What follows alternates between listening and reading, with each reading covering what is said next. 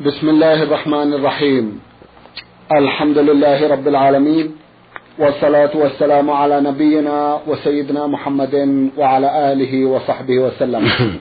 مستمعي الكرام السلام عليكم ورحمة الله وبركاته وأسعد الله أوقاتكم بكل خير. هذه حلقة جديدة مع رسائلكم في برنامج نور على الدرب. رسائلكم في هذه الحلقة نعرضها على سماحة الشيخ عبد العزيز ابن عبد الله بن باز. الرئيس العام لإدارات البحوث العلمية والإفتاء والدعوة والإرشاد. مع مطلع هذه الحلقة نرحب بسماحة الشيخ ونشكر له تفضله بإجابة السادة المستمعين. فأهلا وسهلا بالشيخ عبد العزيز. حياكم الله وبارك فيكم. حياكم الله. مع مطلع هذه الحلقة نعود إلى رسالة وصلت إلى البرنامج من سلطنة عمان وباعثتها إحدى الأخوات من هناك هي عين عين جيم أختنا عرضنا جزءا من أسئلتها في حلقة مضت وفي هذه الحلقة بقي لها مجموعة أخرى من أسئلتها ففي أحد ما تبقى من أسئلتها تقول هل تجوز كلمة ألو؟ في الهاتف إنهم يقولون إن هذه اللفظة ليست للمسلمين بل هي للنصارى. وجهونا ووجهوا المستمعين جزاكم الله خيرا. بسم الله الرحمن الرحيم. الحمد لله وصلى الله وسلم على رسول الله. وعلى آله وأصحابه ومن اهتدى بهداه. أما بعد فلا أعلم حرجا في كلمة ألو لأن الناس اعتادوها وتعرفوا عليها ولا حرج في ذلك. وكثير من الكلمات العجمية تعرف عليها الناس وسارت بينهم فلا يضر ذلك.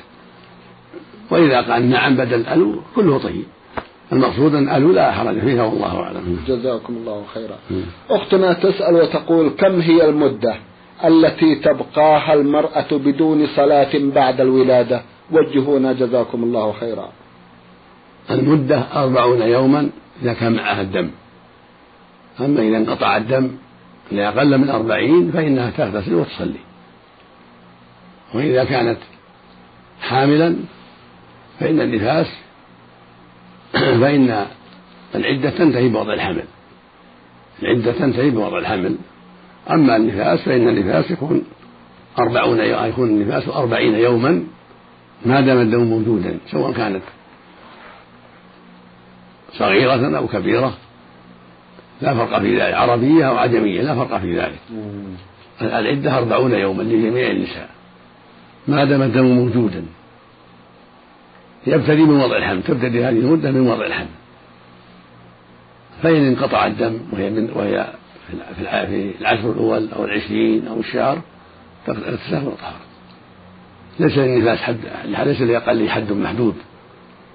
فإذا رأت الطهارة على رأس الشهر أو رأس العشرين يوم أو أقل أو أكثر فإنها تغتسل وتصلي والحمد لله وتحل لزوجها أيضا.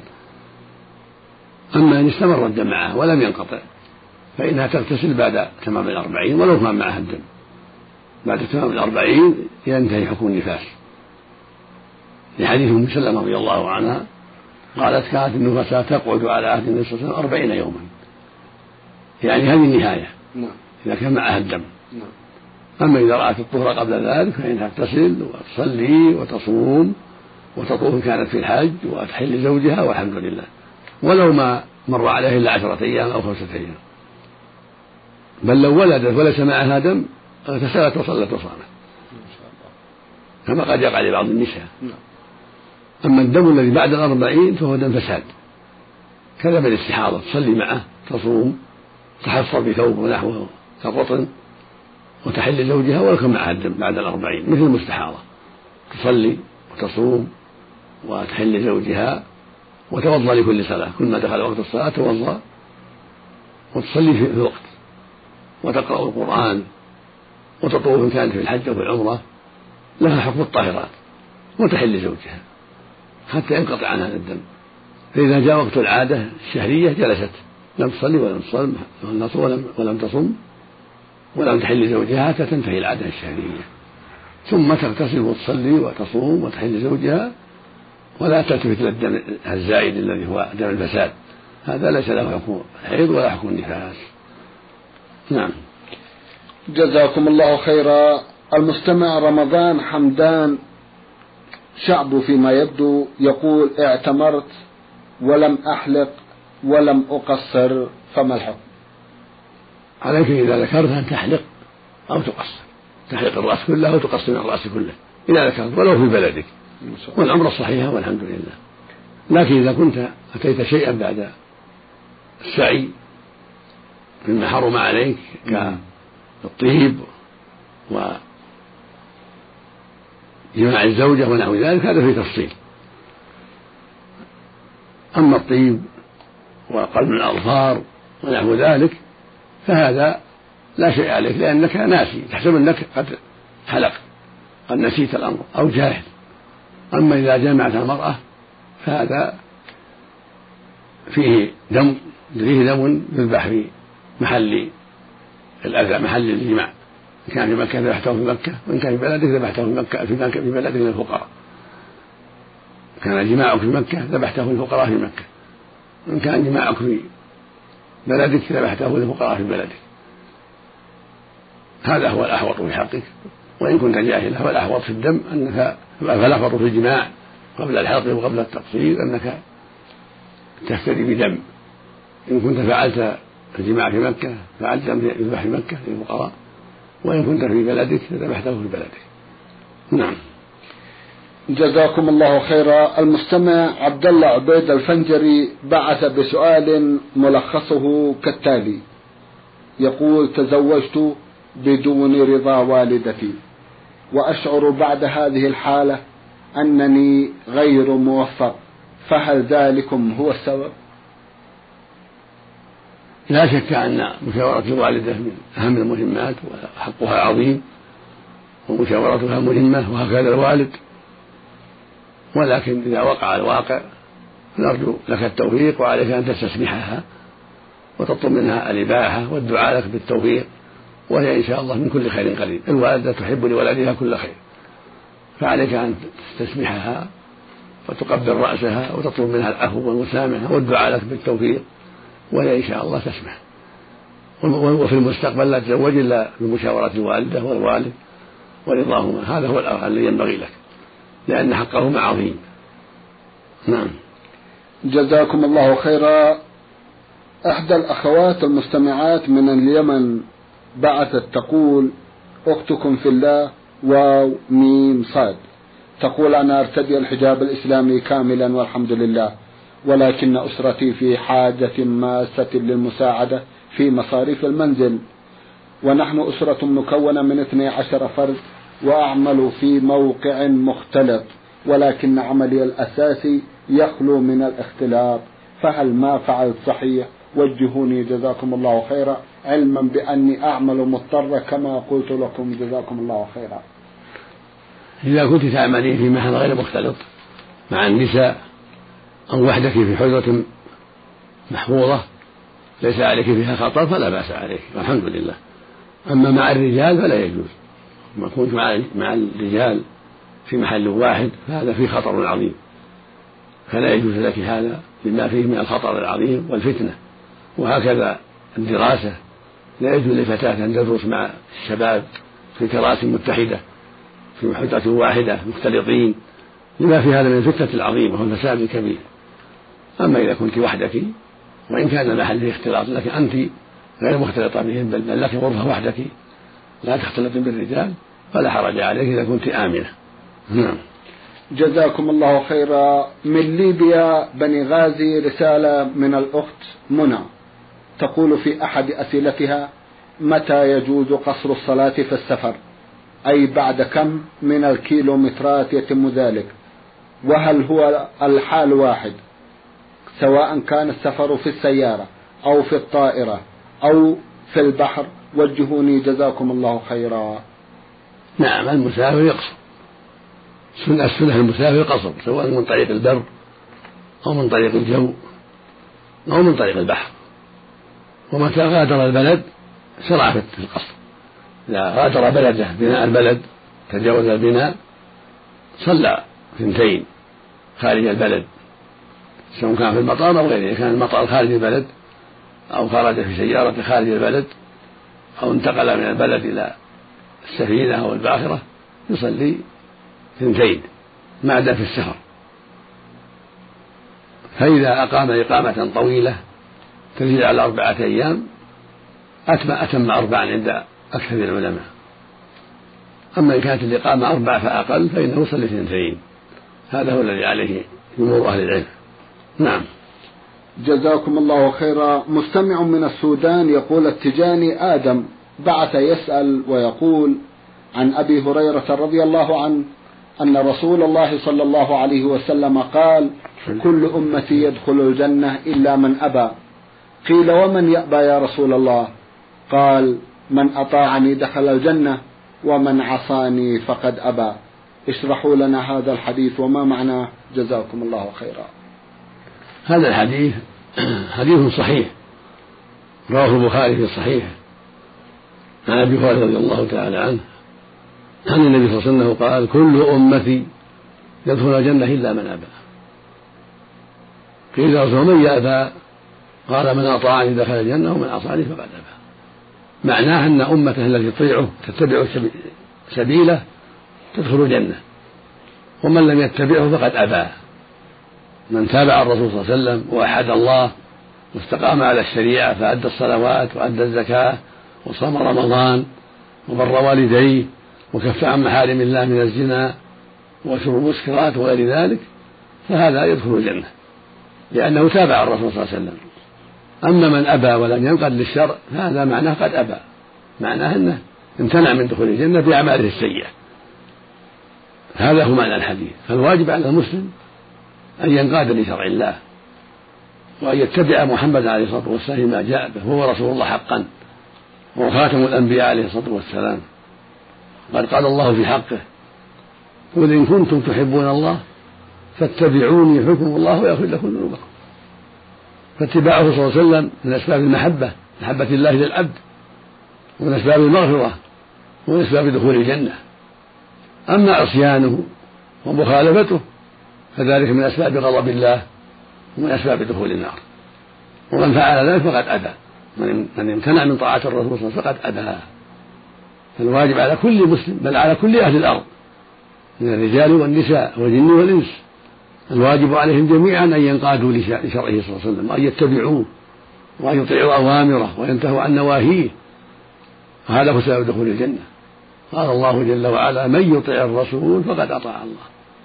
قال سبحانه قل أطيعوا الله وأطيعوا الرسول فإن تولوا فإنما عليه ما حمل وعليكم ما حملتم وإن تطيعوه تهتدوا وما على الرسول إلا البلاغ المبين ويقول سبحانه قل يا أيها الناس إني رسول الله جميعا الذي له ملك السماوات والأرض لا إله إلا هو يحيي ويميت فآمنوا بالله ورسوله النبي الأمي الذي يؤمن بالله وكلماته واتبعوه لعلكم تهتدون.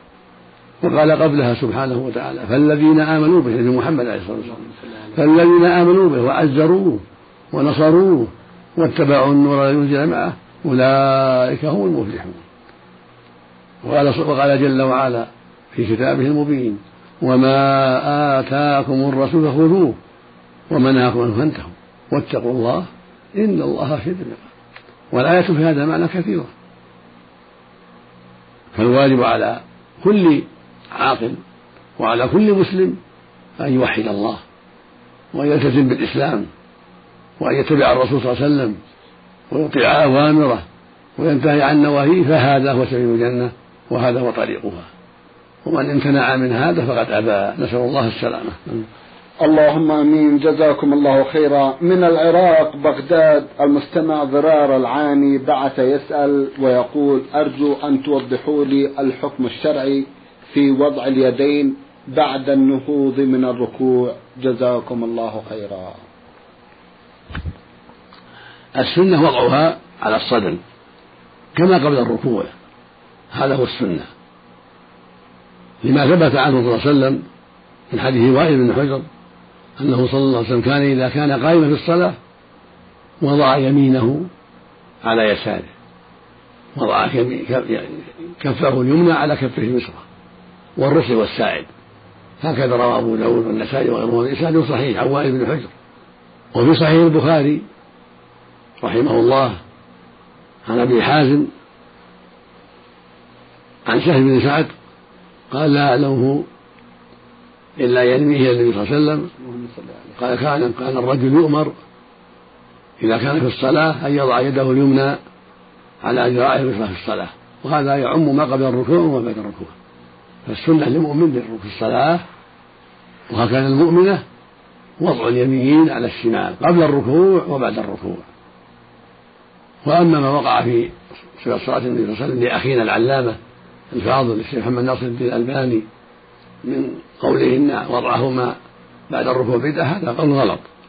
قد نبهنا على هذا غير مرة وكتبنا في ذلك ما يجوب بيان هذا الأمر.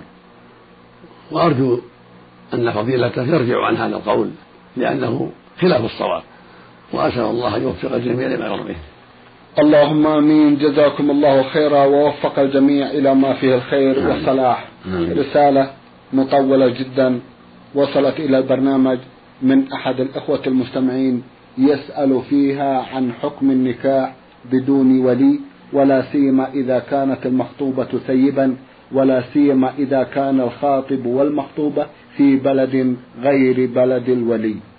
الولي لا بد منه.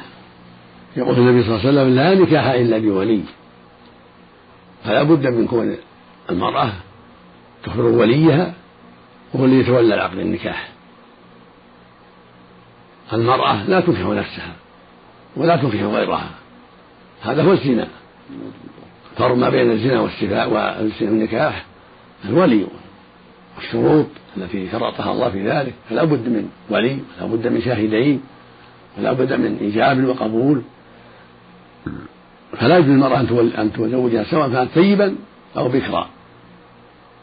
بل الواجب عليها أن ترفع الأمر إلى وليها ووليها هو الذي يتولى ذلك. والواجب والواجب على الولي أن يتقي الله وأن لا يعضي لها وأن يجتهد في تيسير الزواج لها إذا خطبها الكفر.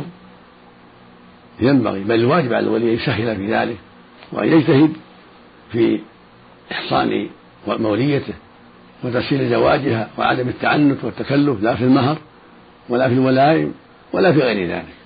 هذا هو الواجب عليه. وإذا عضلها أو تكلف في هذه الأمور في إمكانها أن ترفع الأمر المحكمة إذا كانت في بلاد فيها محكمة نعم. حتى تنظر المحكمة في الأمر وتأخذ على يد الولي. أما إذا كانت المرأة في بلاد ليس فيها ولي ليس فيها لا أخ ولا أب ولا ابن عم فإن الحاكم يقوم مقامه الولي وليها الحاكم. في قول النبي صلى الله عليه وسلم السلطان ولي من لا ولي له. فالحاكم يقوم مقام وليها ويكون هو وليها يزوجها أو يوكل من يزوجها. فإذا كان في بلاد ليس فيها حاكم ليس فيها قاضي ولا ولي كالأقليات الإسلامية في بلاد الكفر فأن يزوجها رئيس المركز الإسلامي إذا كان عندهم مركز إسلامي لأنه بمثابة الأمير بمثابة السلطان عندهم فرئيس المركز الإسلامي ينظر لها ويزوجها بالكفر إذا كان ليس لها أولياء وليس هناك قاضي. نعم. جزاكم الله خيرا. وإذا كان الولي بعيد هل يقوم ولي الأمر في هذه الحالة؟ إذا بعيد يخاطب يكاتب يكاتب. حتى يرسل وكالة. نعم. حتى يرسل وكالة. إذا كان بعيد ويعرف محله. نعم. فإنه يكاتب أما إذا كان يعرف محله فالولي بعده يقوم مقامه. اللي أدنى منه يقوم مقامه.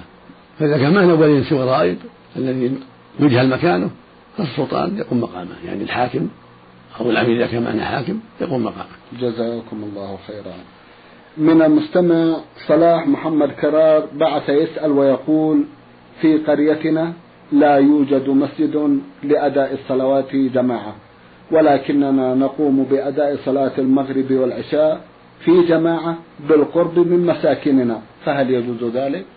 نعم هذا الواجب عليكم صلوا جماعة في منزل أحدكم أو في قرب منازلكم حتى يتيسر مكان لكم للصلاة والواجب عليكم أن تتعاونوا في إيجاد مسجد ولو بالشراء شراء الأرض والتعمير بناء المساجد واجب على المسلمين فالواجب عليكم إذا كان ما عندكم مسجد قريب أن تعمروا مسجدا على حساب أنفسكم أو بأيديكم كما عندكم نقود بأيديكم تتعاونوا في بناء بأيديكم في المكان المناسب المتوسط بينكم.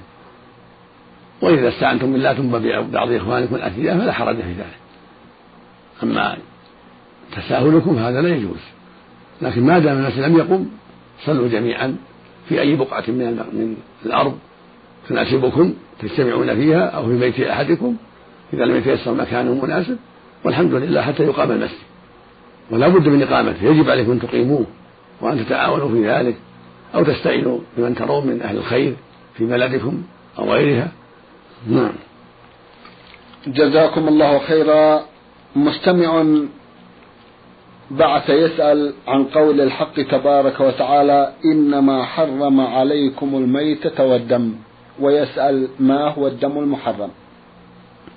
الدم المسفوح نعم. كما في آية الأنعام. قل لا قل لا أجد قل لا أجد محرما على طعام يطعمه إلا كون ميتا أو دما مسفوحا. فالمسفوح هو المراق والذي ينصب من الذبيحة عند الذبح. يهراق منها هذا يقال له مسفوح. هذا هو المحرم. أما ما يكون في العروق يبقى في العروق فهذا ليس بمحرم. يبقى في داخلها في عروقها في لحومها ليس بمحرم. إنما هو المسفوح الذي ينصب منها عند ذبحها. نعم. جزاكم الله خيرا. يسأل سماحة الشيخ عن التسبيح الجماعي. إذ يسبح الإمام والمأمومون يسبحون من بعده. هذا بدعة لا أصل له. بل كل واحد يسبح نفسه. الإمام يسبح نفسه وكل واحد منهم كذلك يسبح نفسه ويذكر الله نفسه. أما الجماعي فهذا بدعة. نعم. جزاكم الله خيرا. المستمع محمود أحمد دوسة من الزعفرانية بعث يقول جاء في الحديث أن رسول الله صلى الله عليه وسلم نهى أن يتبع النظر إذا انقض الكوكب. ما معنى انقض الكوكب؟ انقراضه سقوطه في رأي الرأي فإن الشهب يرمى بها الشياطين. ولا أعرف هذا الحديث الذي ذكره السائل النهي عن إتباع النظر. لا أعرف هذا. معنى انقراضه معنى سقوطه نعم. لأن الله جل وعلا يرمي الشياطين التي تسترق السمع ترمى بالشهب. نعم. نعم. جزاكم الله خيرا. كما قال كما قال تعالى ولقد زينا السماء من المصائب ولقد زينا السماء الدنيا بمصابيح وجعلناها رجوا للشياطين. نعم. جزاكم الله خيرا. في بعض الأحاديث التي يرويها الترمذي يقول في آخر الحديث حسن غريب. ما معنى حديث حسن غريب؟ هل هو ضعيف أم صحيح؟ هذا اصطلاح للترمذي رحمه الله. إذا كان الحديث لا يروى إلا من طريق واحد قال حسن غريب. إذا كان سنده لا بأس به أو له شواهد قال فيه حسن غريب. إذا كان مداره على واحد أو غريب نسبي غرابة نسبية إذا كان من طريق شخص انفرد به عن شخص وإن كان له طرق أخرى فهو غريب بالنسبة إلى هذا الشخص. كأن يكون غريب من رواية مالك ولكن ليس غريب من رواية غيره مشهور من رواية غير مالك. لكنه انفرد عنه أو انفرد عن مالك بعض الرواة في هذا الحديث يكون غريب من طريق مالك. وهذا يسمى الغرابة النسبية. غريب من طريق مالك أو من طريق الشافعي أو من طريق وكيع أو أحمد أو نحو ذلك. أما الغريب المطلق هو الذي يرويه فرد. يكون مداره على فرد على صحابي فرد أو على تابعي فرد أو على تابع تابع فرد هذا يقال غريب. نعم. جزاكم الله خيرا. يروي بعض رواة الحديث أحاديث يذكر في آخرها قولا معنى تفرد به أحمد أو تفرد به ابن ماجه. فما معنى هذا القول؟ هذا يقول ابن كثير كثيرا في تفسيره. إذا تفرد به أحمد معناه دون الستة. يعني دون البخاري ومسلم وأبي داود والترمذي والنسائي وماجه وإذا قال تفرد به البخاري معناه عن عن بقية السبعة. وإذا قال تفرد به ابن ماجه معناه عن بقية السبعة. وإذا قال تفرد به النسائي كذلك عن بقية السبعة المكفورين. نعم. جزاكم الله خيرا. يا أخ محمود عنوان البرنامج هو ما كتبت على الظرف الذي بعثت داخله رسالة.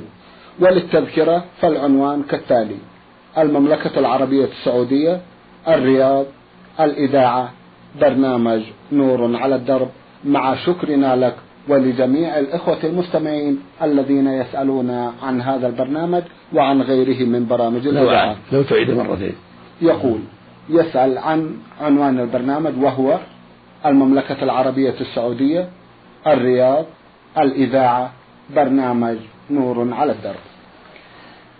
المستمع أحمد محمد جفون سوداني مقيم في المملكة يسأل ويقول إذا غاب الرجل عن زوجته طلبا للقمة العيش فمكث عشرين شهرا هل يكون آثما؟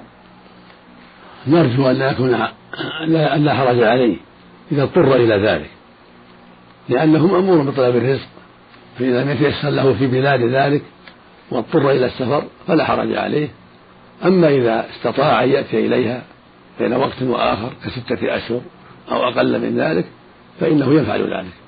إلا إذا سمحت ورضيت قالت إنه لا يشق عليها فلا بأس بذلك. ولكن الأولى به حتى ولو سمحت. الأولى به أن يعتني بالرجوع إليها في مدة قصيرة كأربعة أشهر خمسة أشهر ستة أشهر.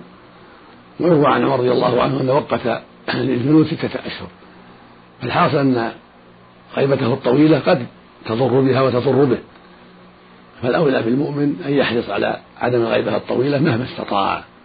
أما إذا اضطر إليها في طلب الرزق أو طلب العلم فلا حرج عليه إن شاء الله. نعم. جزاكم الله خيرا. من لبنان المستمع حسن السمريط فيما يبدو بعث برسالة ضمنها جمعا من الأسئلة. في أحد أسئلته يقول هل يجوز للمرأة أن تذبح الذبيحة سواء كانت من الأغنام أو من الحمام والدجاج وما أشبه ذلك؟ نعم لا بأس بذلك إذا كانت تحسن ذلك فلا بأس. فقد أقر النبي صلى الله عليه وسلم المرأة على ذبح الحيوان. فالمرأة في هذا كالرجل. إذا عرفت كيف تذبح فلا بأس. جزاكم الله خيرا. سؤال في الفرائض يقول فيه توفي رجل وزوجته حامل وقد ولدت بعد موته أنثى. وله أم وثلاثة أشقاء فكيف تقسم تركته؟ تقسم تركته؟ النحو التالي. من 24 سهما للزوجة الثمن ثلاثة. وللأم السدس أربعة. وللبنت النصف اثنا عشر. هذه تسعة عشر. نعم. يبقى خمسة للإخوة لإخوته الأشقاء على سبيل التعصيب. تقسم التركة هكذا. طيب. من أربعة وعشرين سهما. نعم. للبنت النصف اثنا عشر. وللزوجة الثمن ثلاثة. وللأم السدس أربعة. الجميع تسعة عشر. ويبقى خمسة من أربعة وعشرين. هذا للعصبة. لقول النبي صلى الله عليه وسلم ألحقوا الفرائض بأهلها. فما بقي فهو لأولى رجل ذكر. أولى أن يقرب رجل ذكر. نعم. جزاكم الله خيرا. سماحة الشيخ في ختام هذا اللقاء أتوجه لكم بالشكر الجزيل بعد شكر الله سبحانه وتعالى على تفضلكم بإجابة السادة المستمعين وآمل أن يتجدد اللقاء وأنتم على خير. نرجو ذلك. اللهم مستمعي الكرام كان هذا اللقاء مع سماحة الشيخ عبد العزيز ابن عبد الله بن باز الرئيس العام لإدارات البحوث العلمية والإفتاء والدعوة والإرشاد. شكرا لسماحته وأنتم يا مستمعي الكرام شكرا لحسن متابعتكم وإلى الملتقى وسلام الله عليكم جميعا ورحمته وبركاته.